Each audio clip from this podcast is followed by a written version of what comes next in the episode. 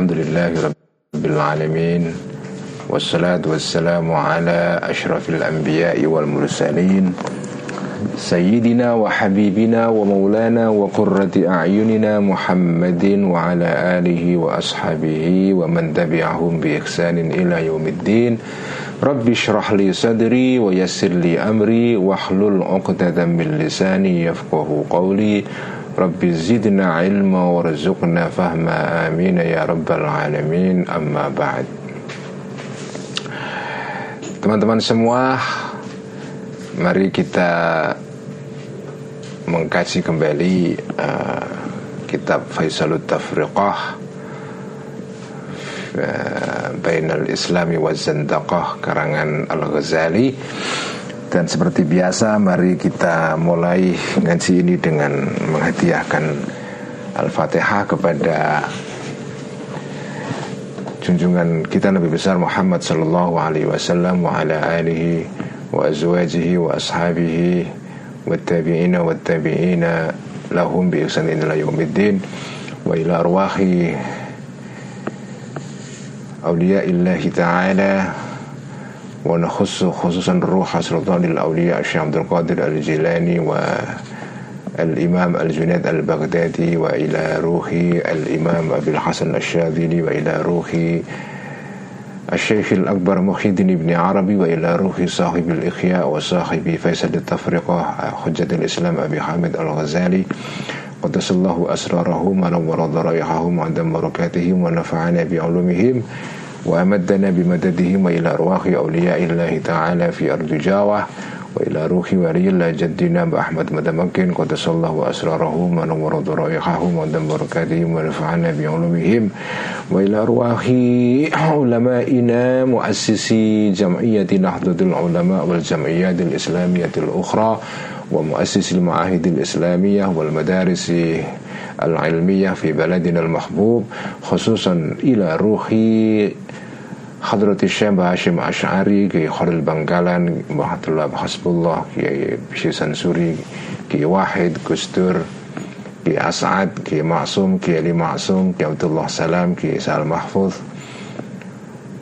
Ghafarallahu dhunubahum wa satara uyubahum wa yu'li darajatim wa ila arwahi abaina wa ummahatina wa ajdadina wa jaddadina wa syaikhina wa syaikhi مشايخنا خصوصا إلى روح أبينا كي عبد الله رفاعي وروح أمنا نيي سلامة وروح أمنا نيي فاطمة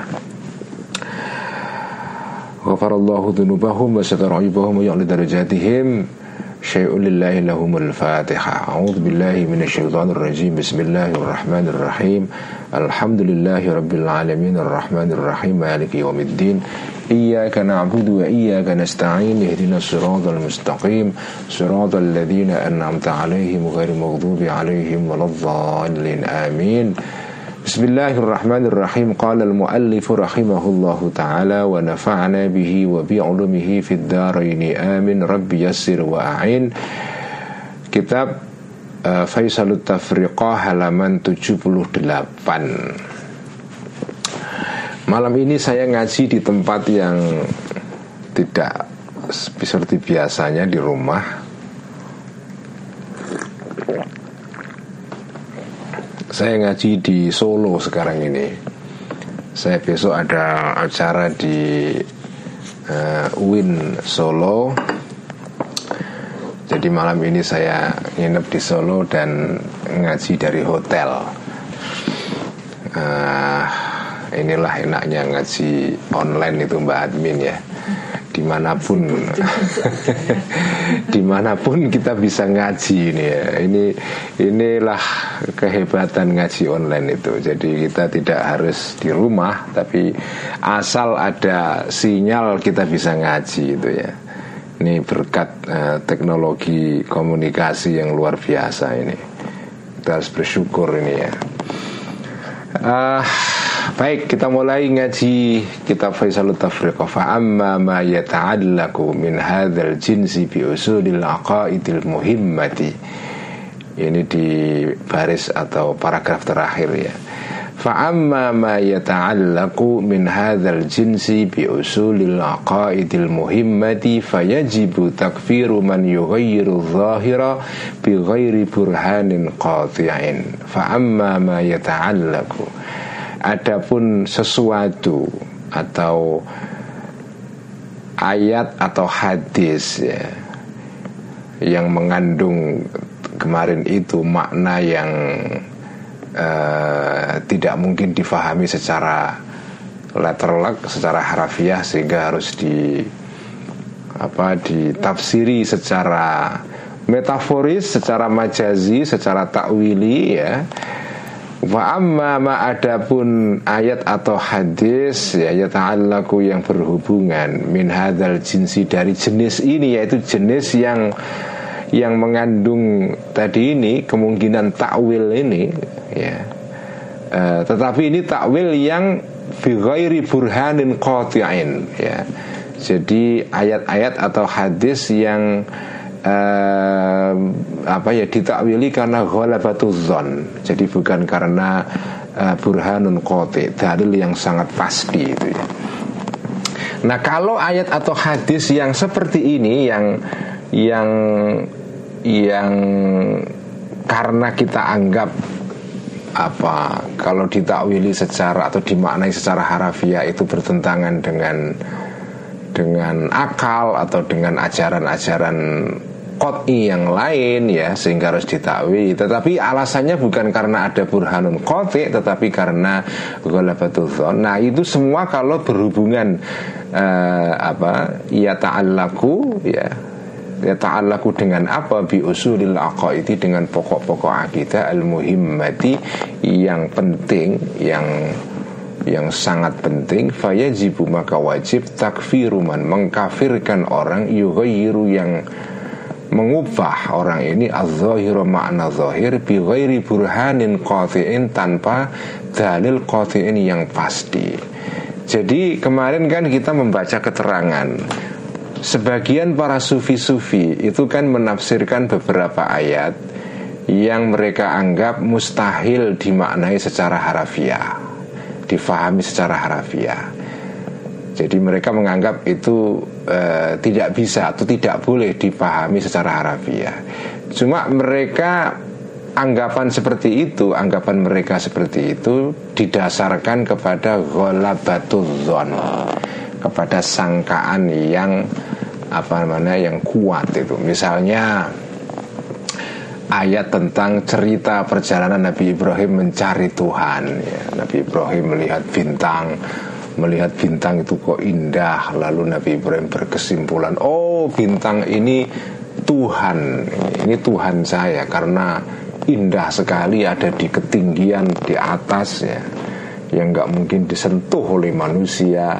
Nah, Kemudian setelah bintang itu hilang Nabi Ibrahim berkesimpulan Ah nggak mungkin Kalau Tuhan itu tidak mungkin hilang Karena ini hilang Surup, lengser ya Maka dia bukan Tuhan Lalu ketika Nabi Ibrahim melihat rembulan Dia juga menyangka ini Tuhan juga Begitu surup bulannya Lalu berkesimpulan ini bukan Tuhan Nah Kemarin diterangkan bahwa makna atau ayat yang menjelaskan tentang kisah Nabi Ibrahim mencari Tuhan ini oleh sebagian para sufi-sufi dianggap tidak mungkin dimaknai secara atau difahami secara harafiah. Masa Nabi Ibrahim menganggap bintang itu Tuhan? Masa Nabi kok menganggap rembulan Tuhan Matahari Tuhan? Jadi makna ayat ini pasti bukan makna harafiahnya Itu itu pendapat para sufi-sufi Sebagian ya. Nah, tetapi mereka berpendapat seperti itu, mentakwili seperti itu tanpa ada dasar burhanun ya. Ada dalil yang pasti seperti pastinya kita harus mentakwil ayat yang berisi tasbih, ayat yang menyerupakan Tuhan dengan makhluknya. Seperti ayat yang menerangkan bahwa Tuhan itu punya tangan. Itu secara pasti kita bisa berkesimpulan burhanun qat ya, ya bahwa ayat seperti ini tidak mungkin dimaknai secara harafiah, harus ditakwili. Nah, itu namanya burhanun qat ya. Tetapi kalau para sufi-sufi ini mentakwil ayat tentang kisah Nabi Ibrahim mencari Tuhan Itu bukan karena burhanun kote tapi karena ghalabatuzon rasanya kok tidak mungkin Nabi menganggap matahari itu Tuhan. Itu bukan burhanun ya tetapi ghalabatuzon nah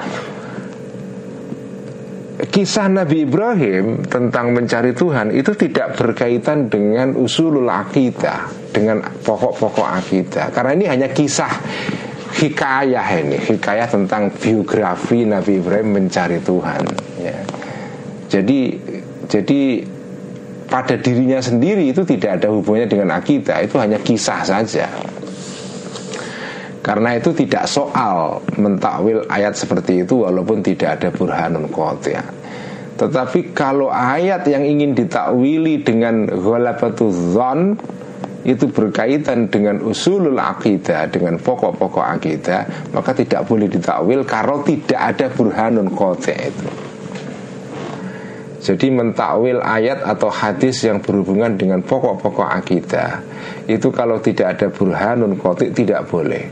Kalau sekedar hanya golabatu zon ya, Atau bahkan hanya spekulasi saja ya hanya zon saja bukan golabah kalau zon itu zon yang kuat sekali sangkaan yang kuat tapi kalau zon yang biasa itu ya ya zon atau spekulasi biasa.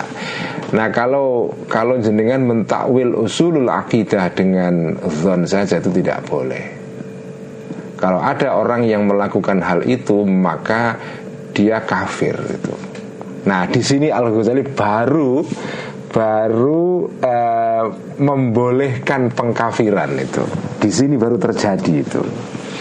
Sebelumnya kan Al-Ghazali itu menentang pengkafiran secara sembrono, secara sembarangan, secara uh, apa ya, secara gebiah uyah itu ya. Gebiah uyah itu apa? Ya uyah disebar gitu saja tanpa tanpa pilih kasih itu. Langsung di dengan menganggap wah pokoknya orang yang berbeda dengan saya kafir itu yang tidak boleh. Nah tetapi Al Ghazali eh, tidak menganggap bahwa mengkafirkan itu dilarang dalam semua keadaan. Di dalam keadaan-keadaan tertentu jenengan boleh mengkafirkan seseorang. Boleh.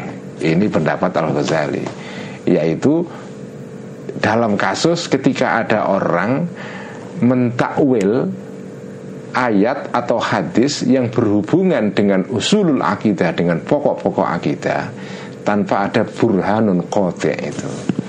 Nah itu boleh dikafirkan itu. Bahkan wajib dikafirkan. Yaitu apa? Contohnya orang yang mentakwil seperti ini, yaitu orang yang mengubah makna zohir, makna yang tampak makna yang yang langsung kita fahami begitu mendengar ayat itu atau hadis itu. Jadi makna zahir ada seorang ada seorang sarjana muslim Amerika yang mengkaji hal-hal seperti ini menerjemahkan makna zahir itu dengan istilah apparent apparent meaning ya, apparent meaning makna yang kelihatan apparent ya. Apparent meaning makna yang kelihatan. Rumah itu dimaknai sebagai apa sebagai ya, ya tempat tempat bersemayamnya roh kita itu lain lagi itu itu makna majazi umumnya orang begitu mendengar kata rumah ya rumah itu tempat tinggal gitu ya. seperti yang kita pahami selama ini itu makna zohir jadi makna yang tampak langsung begitu kita mendengar kata itu itu namanya zohir ya. Nah kalau ada orang mengubah makna zohir dari ayat-ayat atau hadis yang berkaitan dengan usulul akidah dengan pokok-pokok akidah tanpa ada burhanun kote tanpa ada dalil yang pasti maka itu tidak boleh. Itu bahkan wajib dikafirkan seperti itu. Jadi pengkafiran itu tidak dilarang sama sekali dalam konteks akidah ini ya. Pengkafiran di dalam konteks akidah itu tidak di tidak di apa namanya tidak ditutup pintunya sama sekali oleh Al Ghazali yang dilarang adalah jenengan mengkafirkan sembarang orang jadi ini selektif sekali. Jadi makanya makanya saya selalu menekankan kita Faisal Tafriqah ini semangat dasarnya sebetulnya mengendalikan melarang kita melakukan takfir secara sembarangan. Blanket takfir ya blanket takfir takfir kemul ada takfir yang sembarangan itu namanya blanket takfir ya. ya ada yang kelewatan kata ya Agung harusnya dari naam ingkana satu paragraf Oh ya ya ya ya ya. Ini ada yang ketinggalan ini ya. Kelewat. Kelewatan. Karena saya ini lagi di perjalanan nggak bawa kitabnya Kiai Akram. Jadi ngelompat ini. Saya ngelompat satu paragraf ini. Baik saya mundur sedikit ya Mundur sedikit Naam ya di atasnya itu Terima kasih Kiai Akram Kiai Akrom ini uh, santri dan asisten ngaji Ikhya yang sangat uh, apa namanya dedikasinya luar biasa, komitmennya luar biasa. Beliau dari Tangsel tinggal di sebuah jalan yang namanya unik Jalan Bawang. Baunya bawang semua itu. Naam in kana fathu hadzal babi wat tasrihu bihi yatada'a ila tashwishi qulubil awami fayubadda'u bihi sahibuhu fi kulli ma lam yu'thar 'anis salafi dzikruhu. Naam, iya. Ini sighah istidrakiyah ya yaitu ungkapan kualitatif.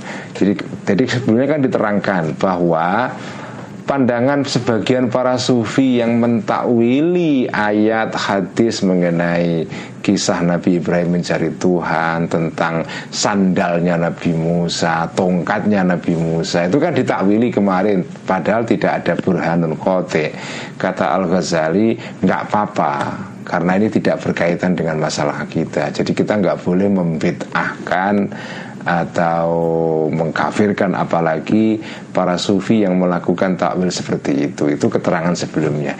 Naam ya tidak boleh mengkafirkan atau membid'ahkan mereka yang mentakwili itu ya.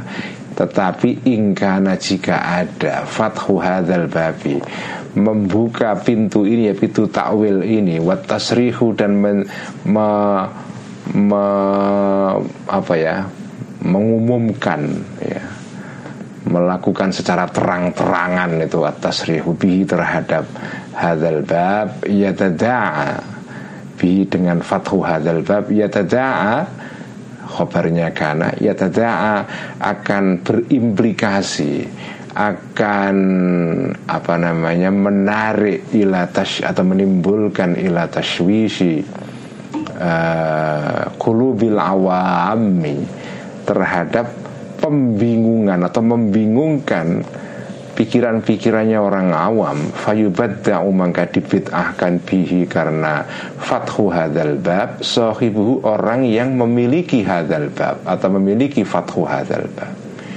Fikul lima dibid'ahkan fikul lima di dalam setiap takwil ya lam yu'thar yang yang tidak didengar zikruhu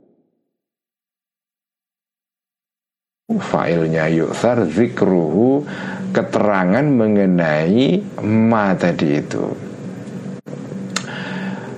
Jadi artinya apa? Iya betul bahwa kita tidak boleh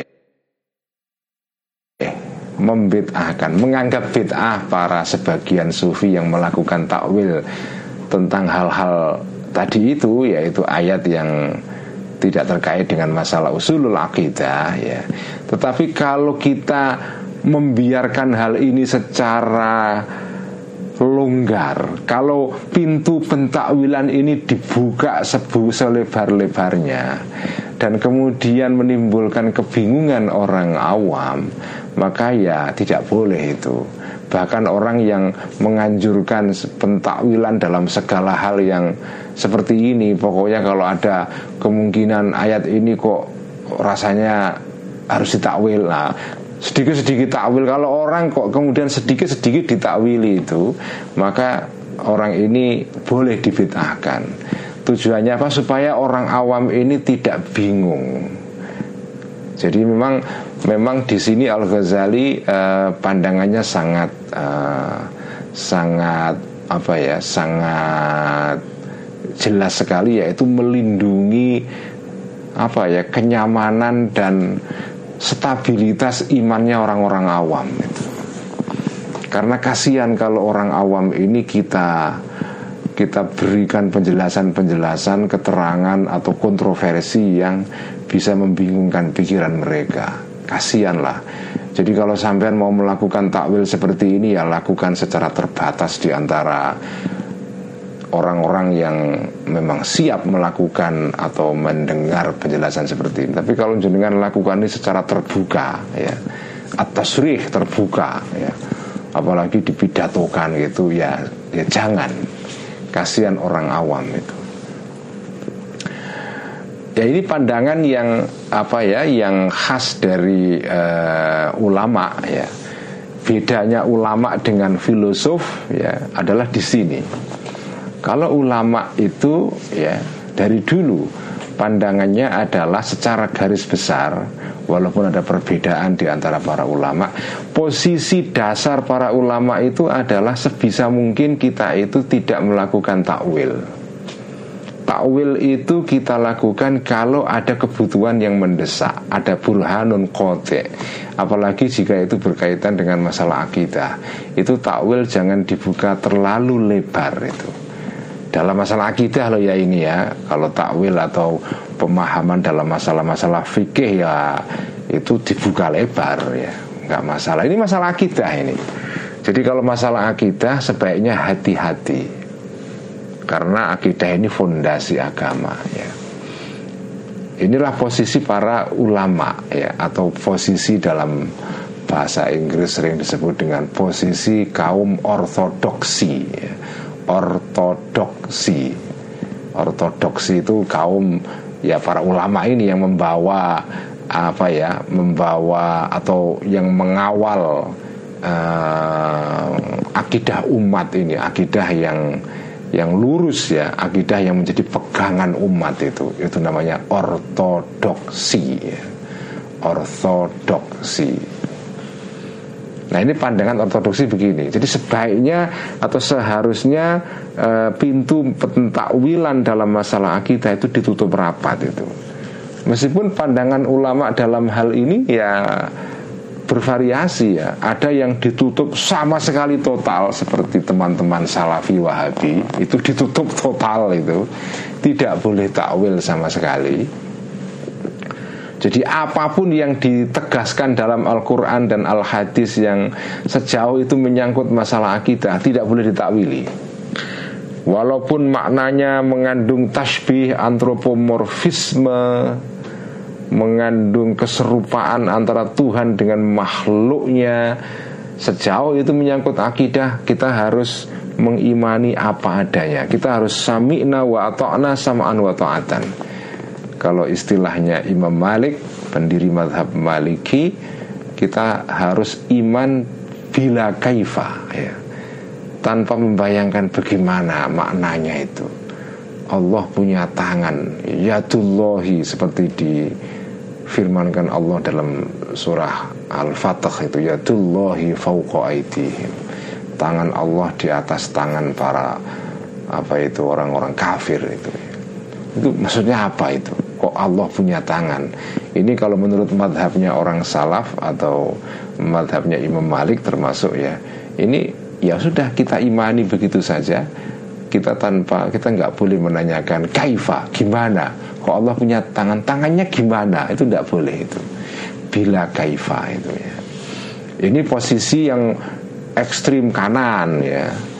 Nah ada posisi yang ekstrim kiri yaitu posisinya para filosof ya.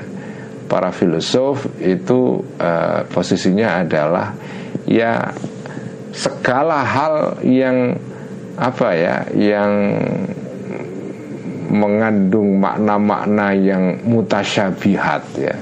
Yang mengandung ambiguitas ya. segala ayat hadis yang menurut pendapat mereka tidak mungkin difahami secara harafiah karena berlawanan dengan kaidah-kaidah penafsiran atau akal ya. Maka ya harus ditakwil. Itu kalau posisi para filosof ekstrim itu. Jadi ada apa uh, kaum uh, ahlul hadis ya. Atau ahlul asar atau salafi atau wahabi yang yang ada di kanan yang paling jauh yang menolak takwil sama sekali. Ini madhabnya Imam Ibnu Hambal ada yang madhabnya jauh di kiri yang pokoknya segala hal harus ditakwil. Asal itu berlawanan dengan akal berlawanan dengan kaidah-kaidah penafsiran yang mereka tetapkan ya harus ditakwil semua jadi takwil ini adalah sesuatu yang pintunya dibuka lebar itu kalau posisi para falasifah, para filsuf. Nah, madhab Ash'ariyah atau Maturidiyah yang diikuti oleh Al-Ghazali itu ada di tengah-tengah ya. Tidak menolak takwil sama sekali seperti madhab uh, Imam Ahmad ibnu Hambal juga tidak membuka takwil secara secara gaspol ya.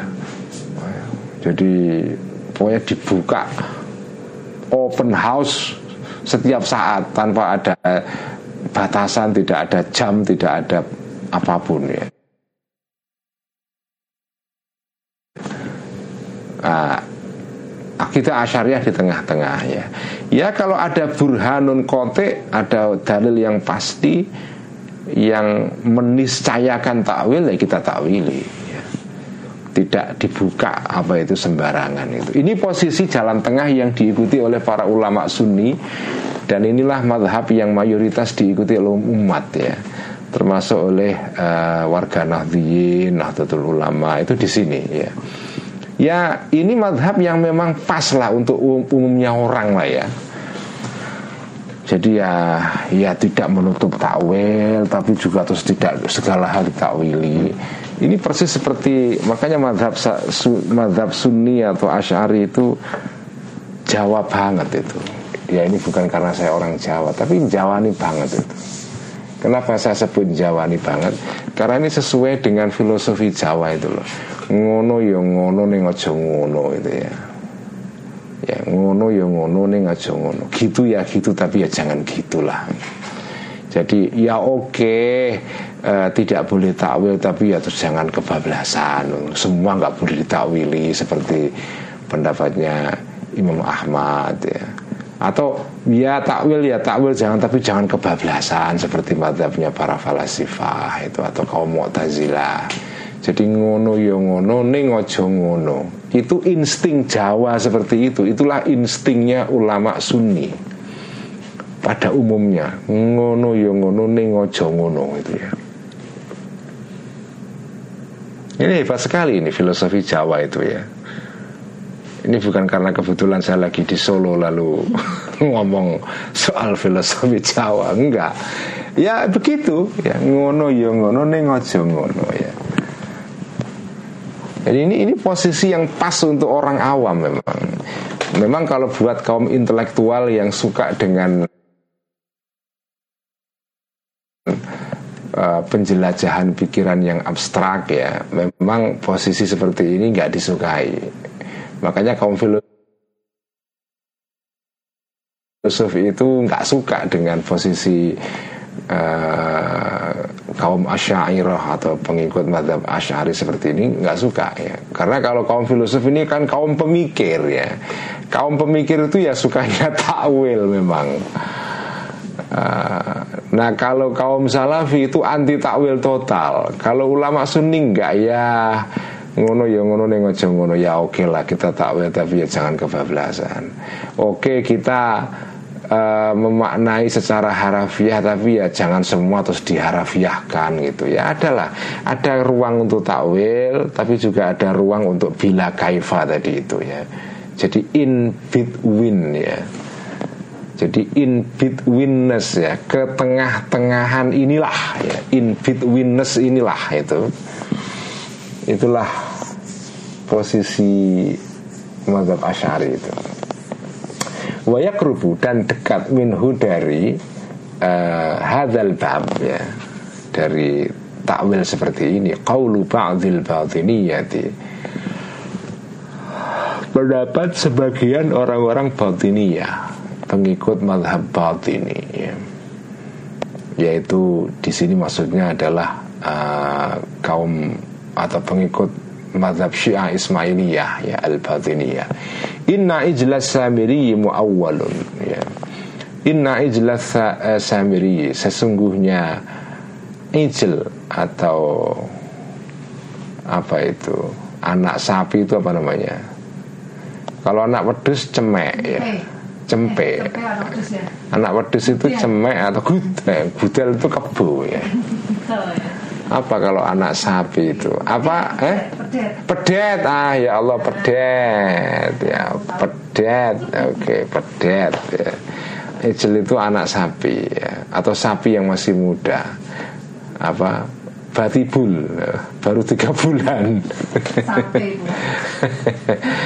Inna jelas Samiri Sesungguhnya pedetnya Musa As-Samiri Yaitu Apa namanya uh, Musa the Samaritan ya, As-Samiri Yaitu seorang Samaria Ya namanya Musa. Ini uh, Apa namanya uh, Ya salah satu umatnya Nabi Musa Ya Nabi Musa Namanya Musa As-Samiri ya.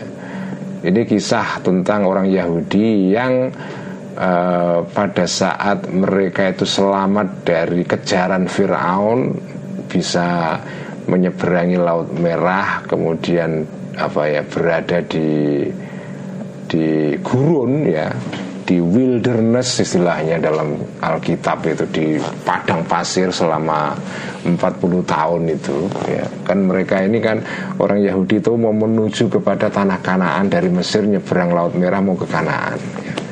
Nah mereka sempat tersesat selama 40 tahun atau ya berkelana di di padang pasir selama 40 tahun. Nah pada saat itu mereka kemudian uh, melakukan apa semacam penyelewengan. Mereka tidak lagi menyembah Tuhan tapi menyembah uh, apa namanya pedet atau sapi emas itu ya ya yang dibuat oleh seorang namanya Musa As-Samiri ini terjadi pada saat Nabi Musa uh, apa melakukan apa uh, semadi atau holwat di Gunung Tursina selama 40 hari. Saat orang Yahudi ditinggal itu kemudian mereka mele, apa meleng ya.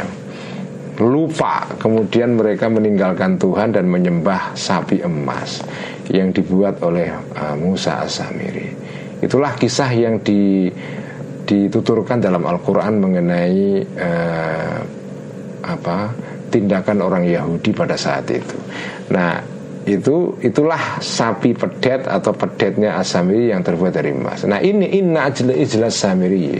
Sesungguhnya pedet emasnya Musa asamiri itu muawwalun itu harus ditakwil. Ini kata orang batinia. Kenapa idh kaifa? Karena bagaimana mungkin yahlu sepi Khalkun manusia kathirun yang banyak Yaitu orang Yahudi yang jumlahnya puluhan ribu ya. Masa ketika Musa Asamiri membuat pedet emas ya kemudian kan digambarkan di Quran lalu orang Yahudi lupa alfa lengah dan kemudian meninggalkan Tuhan mereka menyembah pedet emas ini. Itu hikayat dalam Al-Quran. Kisahnya begitu. Nah menurut sebagian orang-orang ya Ayat ini nggak mungkin dimaknai secara harafiah.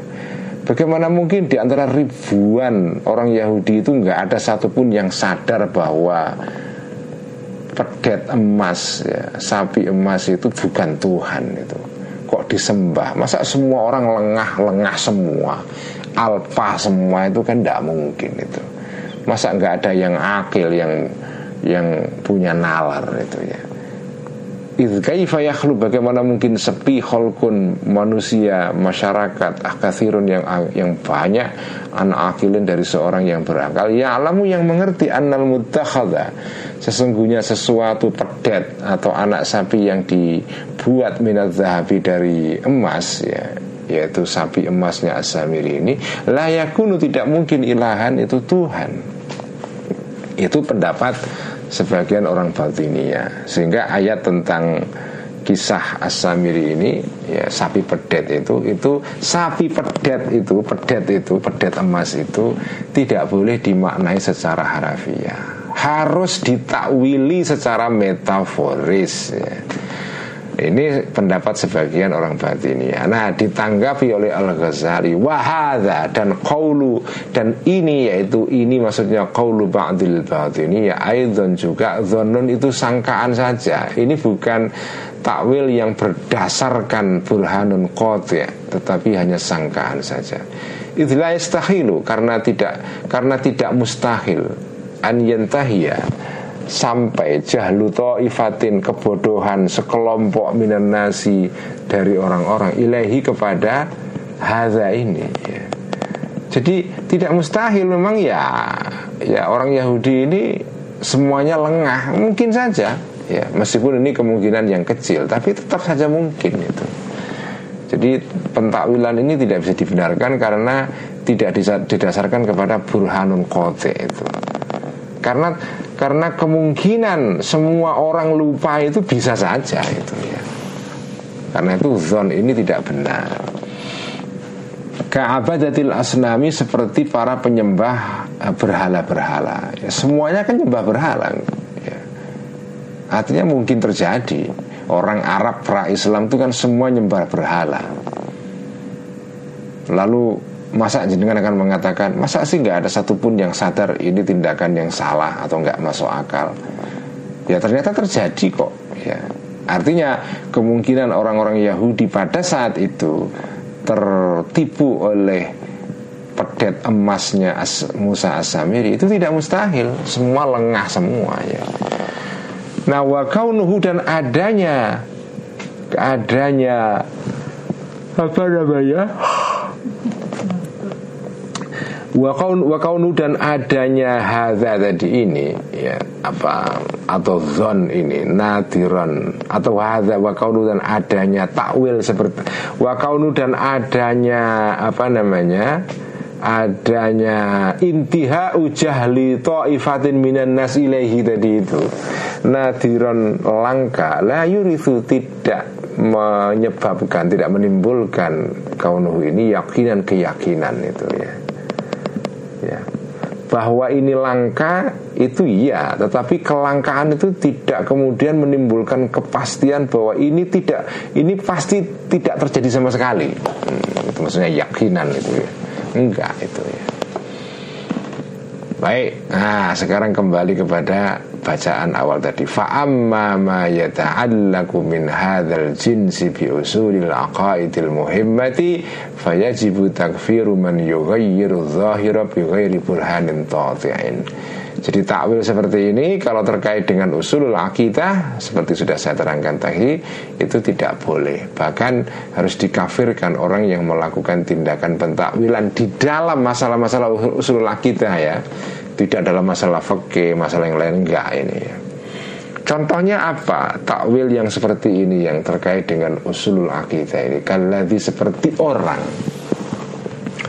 Yungkiru yang mengingkari yang tidak percaya orang ini Hashra uh, Al-Ajsadi Hashra al-Ajsadi uh, Penggiringan atau menggiringnya jasad-jasad. Manusia setelah mati nanti dibangkitkan pada hari kiamat kemudian digiring menuju kepada padang namanya padang mahsyar itu. Padang tempat semua makhluk kumpul ya.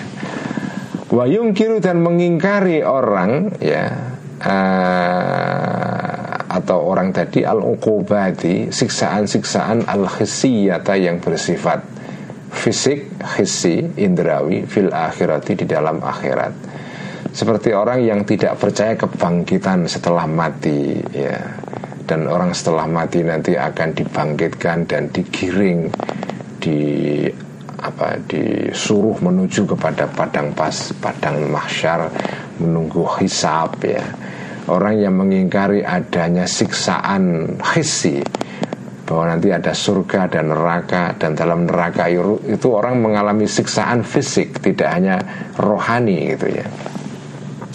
Bidununin dengan sangkaan-sangkaan wa auhamin dan dan apa namanya dugaan-dugaan. Wastiba'adatin dan menganggap mustahil-mustahil min ghairi burhanin tanpa dalil qathi'in yang pasti ada sebagian orang yang mengingkari kebangkitan tubuh setelah mati karena sangkaan, dugaan, karena menganggap mustahil tanpa ada burhanun kote. Nah mereka ini ini mengingkari sesuatu yang bersifat atau yang berkaitan dengan usulul akidah. Nah orang-orang yang mentakwil ini semua Oh kebangkitan kubur itu maksudnya bukan kebangkitan secara fisik Tapi kebangkitan rohani misalnya Nah orang yang melakukan pentakwilan seperti itu Itu dalam pandangan Al-Ghazali wajib dikafirkan ya. Karena isu atau pasal yang ditakwilkan ini terkait dengan usulul akidah Dengan pokok-pokok akidah itu ya ini pandangan Al Ghazali. Ya. Kalau pandangan para filosof lain itu, kalau para filosof ya, para filosof Muslim seperti Ibnu Sina justru mengatakan ya harus ditakwil. Meskipun ada perbedaan pandangan sebetulnya ya. Kalau diteliti naskah-naskah atau kitabnya Ibnu Sina sebetulnya Ibnu Sina itu tidak betul dikatakan sebagai orang yang mengingkari kebangkitan tubuh setelah mati di hari kiamat nanti. Tidak benar itu. Ini menurut penelitiannya Profesor uh, Sulaiman Dunya, filosof Mesir yang sudah meninggal, yang buku-bukunya apa ya banyak sekali. Dia ahli filsafat Islam dan mentahkik kitab-kitabnya Al Ghazali, kitabnya Ibnu Sina, itu semua ditahkik oleh eh, Profesor Sulaiman Dunia ya. Nah menurut Profesor Sulaiman Dunia nggak benar itu Ibnu Sina itu mengingkari kebangkitan tubuh di hari kiamat nanti itu tidak betul itu ya. Jadi itulah contohnya ya. Itulah burhana Karena tidak Fayajibu maka wajib takfiruhu mengkafirkan orang ini. Kotan secara pasti Itulah burhana.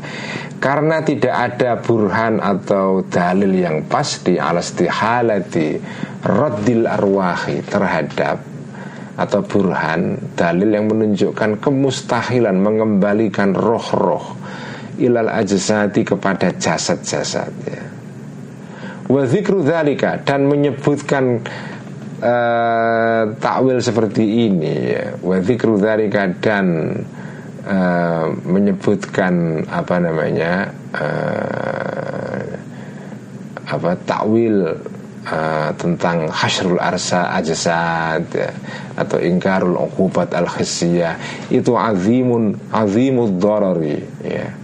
Uh, besar bahayanya fitini dalam agama.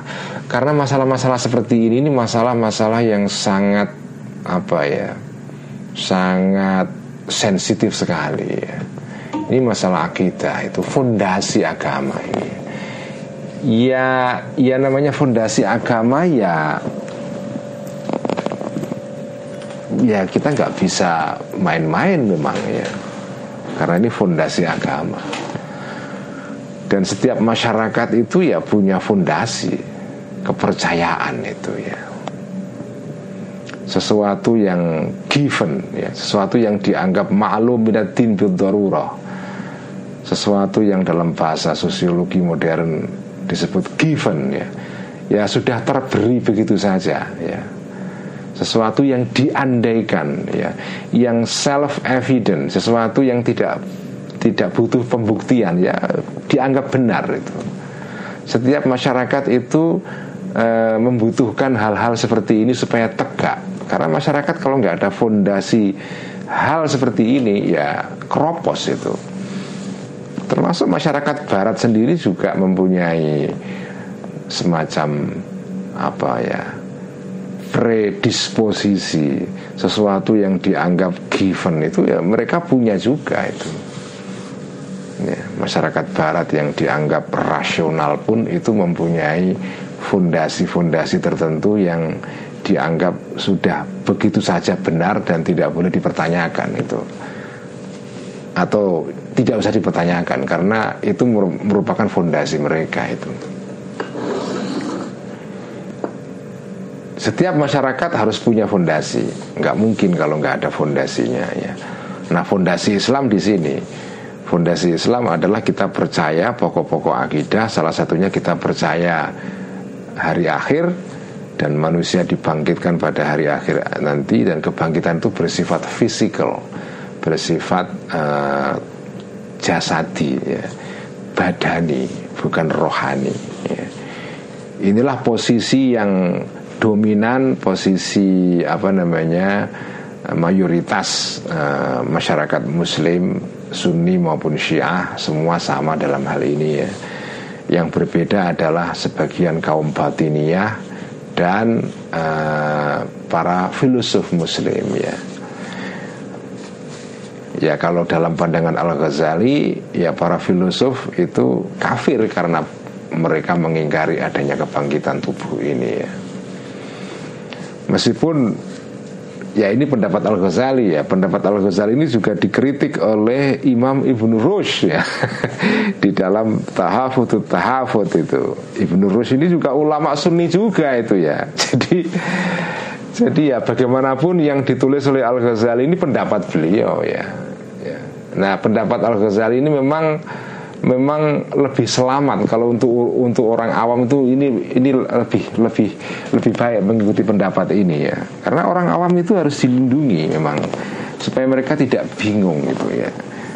Takwil takwil yang terlalu terbuka lebar dalam masalah akidah itu bisa membingungkan orang-orang awam.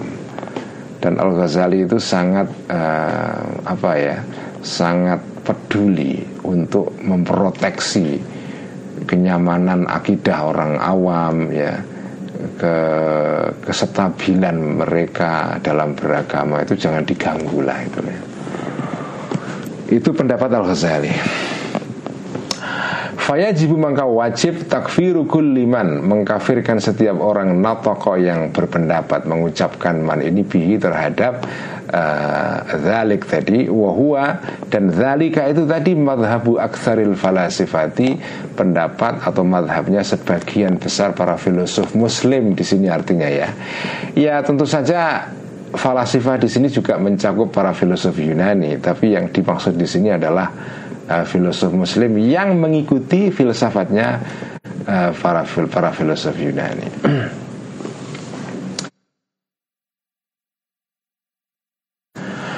Nah, jenengan kalau membaca ini, ini sebetulnya uh, membaca ringkasan dari kitab Tahafutul Falasifah, yaitu karya Al Ghazali yang khusus uh, didedikasikan untuk mengkritik para filosof muslim seperti Ibnu Sina dan Al-Farabi. Suatu saat akan saya baca kitabnya Al-Ghazali ini Tahafutul Falasifah Meskipun mungkin kalau dibaca ya menimbulkan kepusingan ya. Ya tidak apa-apa ya. Uh, Tapi kita coba lah nanti ya. Saya belum tahu kapan Karena kitabnya tebal itu Tahafutul Falasifah itu. Nanti akan saya baca dengan model yang lebih uh, tematik, tidak tekstual. Saya baca tidak kata per kata seperti membaca kitab Faisal ini ya. Karena kalau dibaca kata per kata ya khatamnya lama. Pokoknya saya saya itu tujuan saya adalah yang saya baca kata per kata sampai khatam itu yang pokok adalah ihya walaupun tebal ya karena itu fondasinya itu. Nah kitab-kitab Al-Ghazali yang kecil seperti Faisal Ini saya baca sampai khatam kata per kata. Sampai setahun ya Seperti Mishkatul Anwar Al-Mungkith bin itu sudah saya baca semua. Nah kitab-kitab yang kecil ini bisa dihatamkan dalam waktu setahun. Nah yang tebal-tebal nanti tidak mungkin dihatamkan dalam waktu setahun Kalau dibaca secara tekstual. Karena itu nanti saya baca secara tematik Termasuk kitab Tahafudul Falasifa akan saya baca Tapi tidak semuanya saya baca secara kata per kata. Tapi saya terangkan pokok-pokok isinya saja. Ya saya baca juga teksnya sebagai uh, Apa namanya Sebagai uh, cara saya untuk membuat sampean merasakanlah teksnya. Tapi tidak akan saya baca semuanya Termasuk nanti kitabnya Al-Ghazali dalam bidang usul fikih Al-Mustasfa juga akan saya baca ya. Tapi sama nanti tidak saya baca detail begitu ya. Ya karena kalau dibaca detail nggak hatam-hatam nanti. Yang saya hatamkan dengan detail itu hanya kitab Ihya dan kitab-kitab Al-Ghazali yang kecil-kecil ini. Wakadzalika dan begitu juga ya, dan sebagaimana tadi itu yajibu takfiru kulli man yajibu wajib mengkatakfiru man mengkafirkan orang. Kala yang berkata man ini minhum dari kalangan falasifah ya. Ini apa yang ditulis di sini nanti diterangkan secara detail dalam kitab Tahafutul Falasifah ya yang akan dibaca kapan nanti insya Allah. Inna Allah ini ini pendapat para falasifa. Inna Allah sesungguhnya Allah Taala la ya'lamu tidak mengetahui Allah Taala ini illa nafsahu kecuali dirinya Allah. Idla ya'lamu karena tidak mengetahui Allah illal kulliyati kecuali hal-hal yang bersifat kulli, bersifat universal, yang bersifat keseluruhan, bukan yang detail. Fa'amal umuru Adapun perkara-perkara al juz'iyatu Yang bersifat juz'i Yang detail-detail partikular Yang juz'i yang yang apa yang rinci al muta'alliqatu yang berhubungan al umur ini bil ashkhasi dengan orang per orang. Fala ya'lamu maka tidak mengetahui Allah terhadap al umur al juz'iyah Kenapa harus dikafirkan para falasifah yang berpendapat seperti ini di anna dzalika? Karena sesungguhnya qaulu ba'dil falasifah ini takdzibun itu sama dengan menganggap bohong lir rasuli kepada kanjeng Nabi Shallallahu alaihi wasallam qat'an qat'an sama sekali. Walaisa dan tidak ada zalika ini min qabili darajati termasuk uh, sejenis dari derajat-derajat yaitu derajat wujud kemarin yang diterangkan itu ada wujud zati, hissi, uh, khayali, akli, syabahi lima. Derajat wujud tadi itu Allah karena yang sudah menyebutkan menerangkan akuha kepada derajat fitakwili di dalam kaidah takwil ya Id adillatul Qur'ani karena dalil-dalil Qur'an wal akhbari dan hadis-hadis ala tafhimi hasyril ajsadi terhadap apa namanya memahamkan uh, kebangkitan tubuh ya, nanti di hari kiamat. Wa ta'alluqi ilmillahi dan ta'alluqnya berhubungannya pengetahuan Allah Ta'ala bitafsiri kullima dengan detail-detail segala hal yajri yang berlaku ma ini alal ashkhasi terhadap orang per orang tujawizu itu melampaui adillah tadi haddan batas ia kebalu yang menerima batas ini at-ta'wila terhadap ta'wil. Apa makna paragraf ini jadi begini sebagaimana orang atau falasifah yang berpendapat bahwa kebangkitan tubuh secara fisik itu mustahil itu harus dikafirkan ya. Begitu juga kalau ada para filosof yang berpendapat bahwa Allah itu tidak mungkin mengetahui sesuatu yang bersifat juz'i Melainkan Allah itu hanya mengetahui hal-hal yang kuli itu Apa maknanya?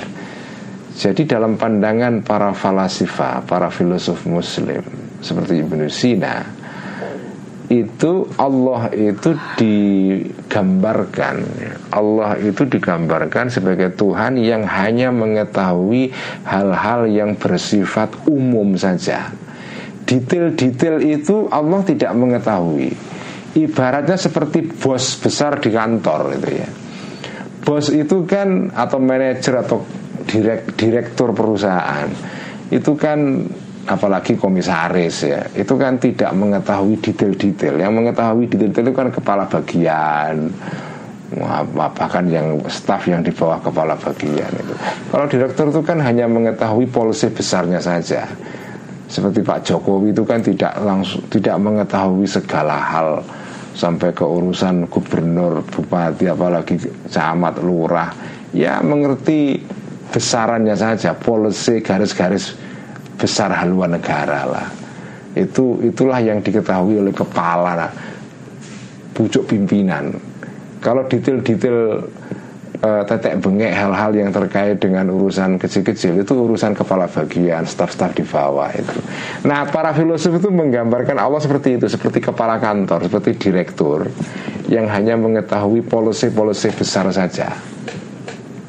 Kalau perkara-perkara detail itu Allah tidak tahu. Atau persisnya bukan tidak tahu nggak peduli kira-kira begitu. Ya. Karena itu sudah diserahkan didelegasikan kepada bawahannya.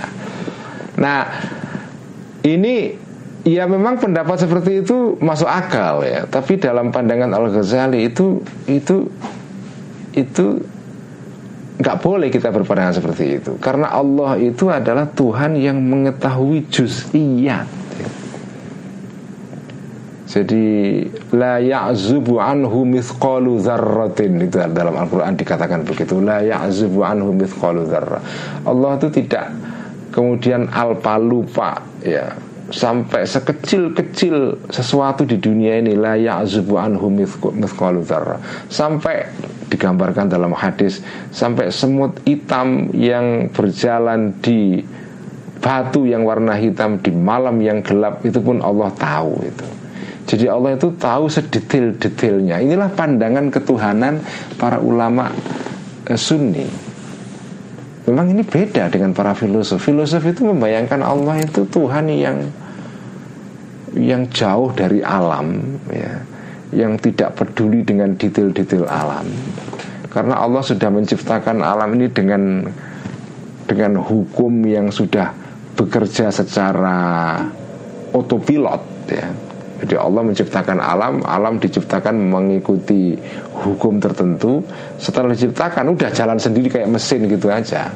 Allah hanya menghidupkan sakralnya aja on tag gitu langsung udah jalan sendiri itu. Jalan sendiri dengan apa? Ya dengan hukum yang di diinstal oleh Allah di dalam sistem itu itu pandangan ketuhanan para filosof. Jadi Allah itu kayak Tuhan yang setelah mencipta alam tuh nganggur saja, nonton aja gitu. Dunia ini sudah jalan sendiri karena sudah diceklekkan saklarnya, di on kan, lalu jalan sendiri. Enggak. Kalau dalam pandangan para ulama Allah itu bukan begitu. Ya.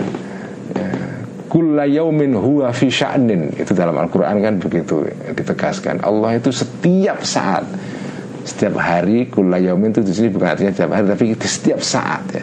Kulayaumin huwa fi sya'nin dalam setiap saat Allah itu terlibat di dalam mengurusi urusan kita ini. Makanya Allah itu dalam pandangan akidah Islamiyah para ulama ini menggambarkan Allah itu memahami Allah itu sebagai Tuhan yang begitu dekat dengan kita peduli dengan masing-masing makhluknya Bukan Allah yang seperti bos besar duduk di kursi lalu menonton saja itu enggak. Tapi dekat dengan kita itu. Makanya kita berdoa, kita berzikir seperti Allah itu menyapa kita. Setiap makhluk disapa oleh Allah, disentuh oleh Allah itu. Makanya Allah begitu dekat. Dan pemahaman seperti ini lebih dibutuhkan orang awam. Ya. Karena orang ini kan butuh Tuhan yang seperti itu. Tuhan yang yang care.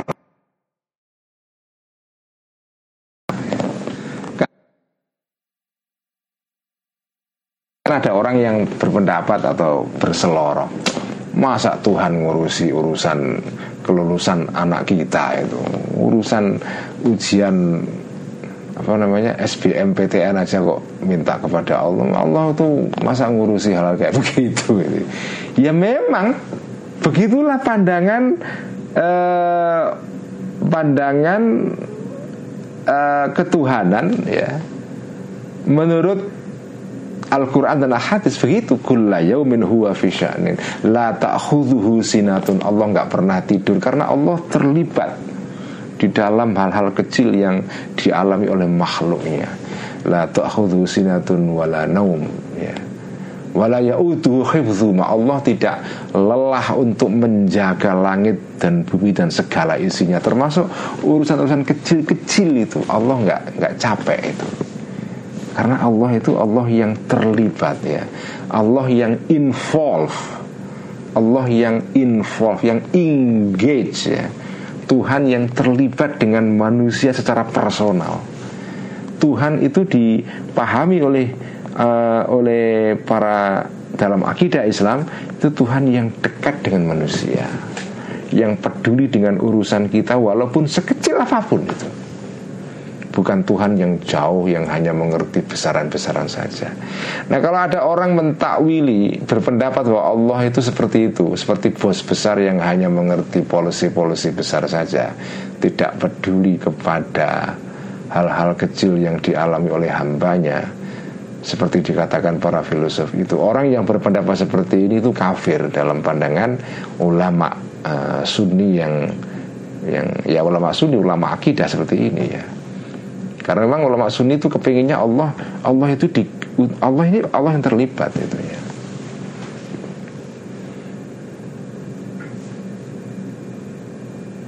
Nah ini yang berikutnya. Ini perlu keterangan yang agak panjang. Kalau saya baca nanti ya bisa molor ini. Jadi kita teruskan minggu depan saja. Uh, Tapi malam ini kita dapat pelajaran penting.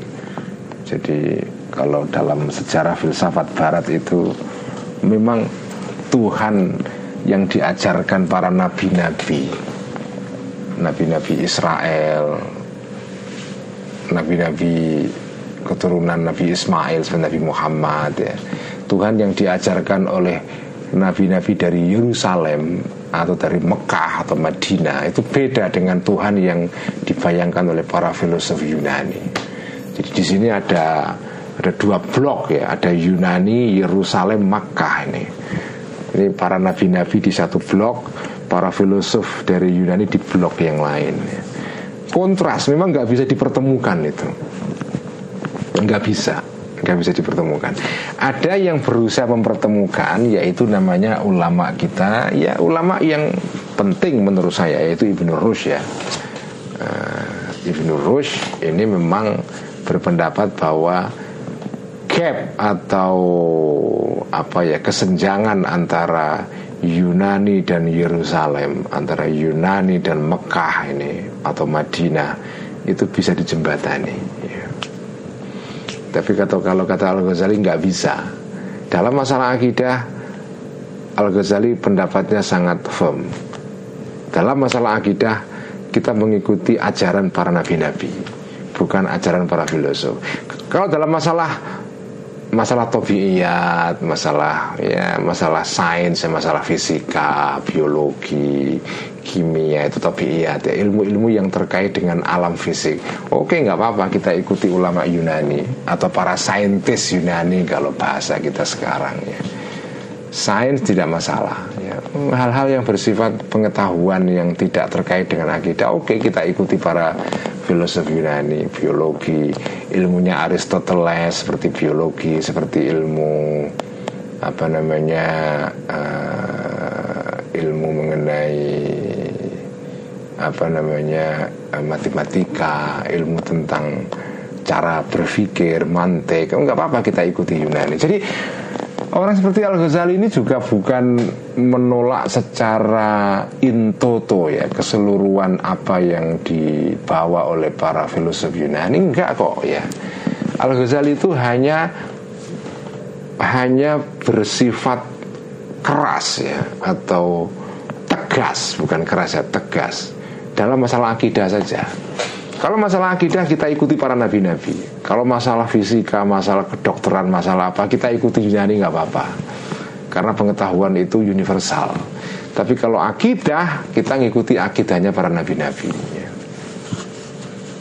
Itu itu posisinya Al Ghazali. Jadi tidak menolak filsafat seluruhnya tapi juga tidak menerima seluruhnya makanya nggak betul kalau disebut Al Ghazali itu membunuh filsafat enggak Wong Al Ghazali itu menganjurkan belajar ilmu mantik bahkan mengatakan kalau ada orang tidak pernah belajar ilmu mantik ilmunya diragukan. Padahal ilmu mantik itu ya ilmunya orang Yunani. Al Ghazali juga belajar ilmu itu. Ilmu mantik bagian dari filsafat. Bagaimana mungkin dikatakan Al-Ghazali membunuh filsafat? Makanya selalu saya mengatakan keliru kalau ada orang menganggap Al-Ghazali ini membunuh filsafat. Hanya satu aja, dalam masalah akidah Al-Ghazali berpihak dengan tegas kita mengikuti para nabi-nabi Tidak mengikuti para filosof ya. Karena kita ini wilayah kita ya, Jadi kita bolehlah mengikuti dalam masalah-masalah sains yang yang bersifat umum yang tidak terkait dengan akidah. Begitu masuk akidah, kita punya wilayah sendiri, kita punya coupling sendiri. Ini wilayah kita. Kita punya pendapat sendiri. Ya.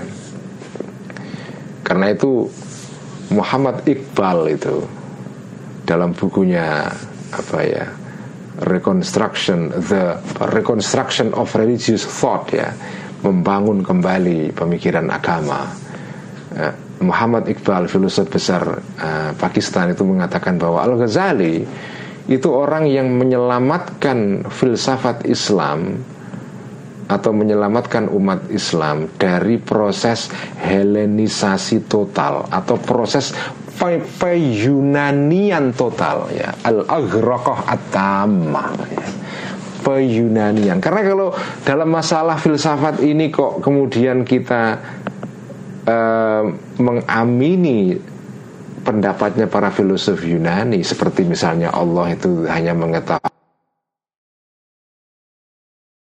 tidak mengetahui hal hal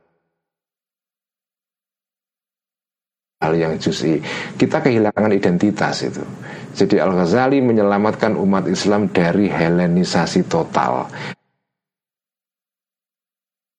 dan melindungi karakter atau identitas umat Islam. Itu. Karena kalau yang diikuti jalan Ibnu Sina itu kita mengalami peleburan dalam identitas Yunani. Umat Islam kehilangan identitasnya. Al Ghazali Al Ghazali lah yang menyelamatkan itu itu. Itu, itu kata Iqbal. Uh, Eh, di dalam apa itu reconstruction of thought dan saya diingatkan kepada poin ini oleh Habib uh, apa namanya Anis Saleh Baasin ya bukan Anis Baswedan ini Anis Saleh Baasin ini Y dari Padi ya uh, teman saya dari uh, ha, apa Habib dari Padi yang dekat dengan Gusmus dekat dekat dengan Kiai Salam Hajin almarhum ya. Nah dia mengingatkan saya tentang hal ini menarik sekali. Dan saya terima kasih kepada Bib uh, atau Ye saya mengambil Ye Ye Anis Saleh Bahasin dari Padi yang punya forum bulanan namanya Suluk Gusuran itu ya. Sekian ngaji Mishkatul Anwar eh bukan Mishkatul Anwar Faisalut Tafriqah malam ini semoga kita memahami posisi seperti ini ya. Ini menarik sekali ya. Mari kita tutup dengan salawat tibil kulub. Allahumma salli ala sayyidina Muhammadin tibbil qulubi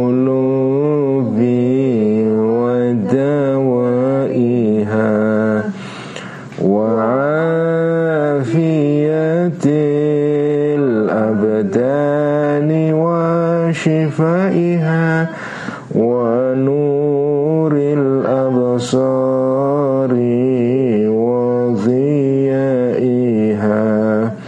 وعلى آله وصحبه وسلم. اللهم صل على سيدنا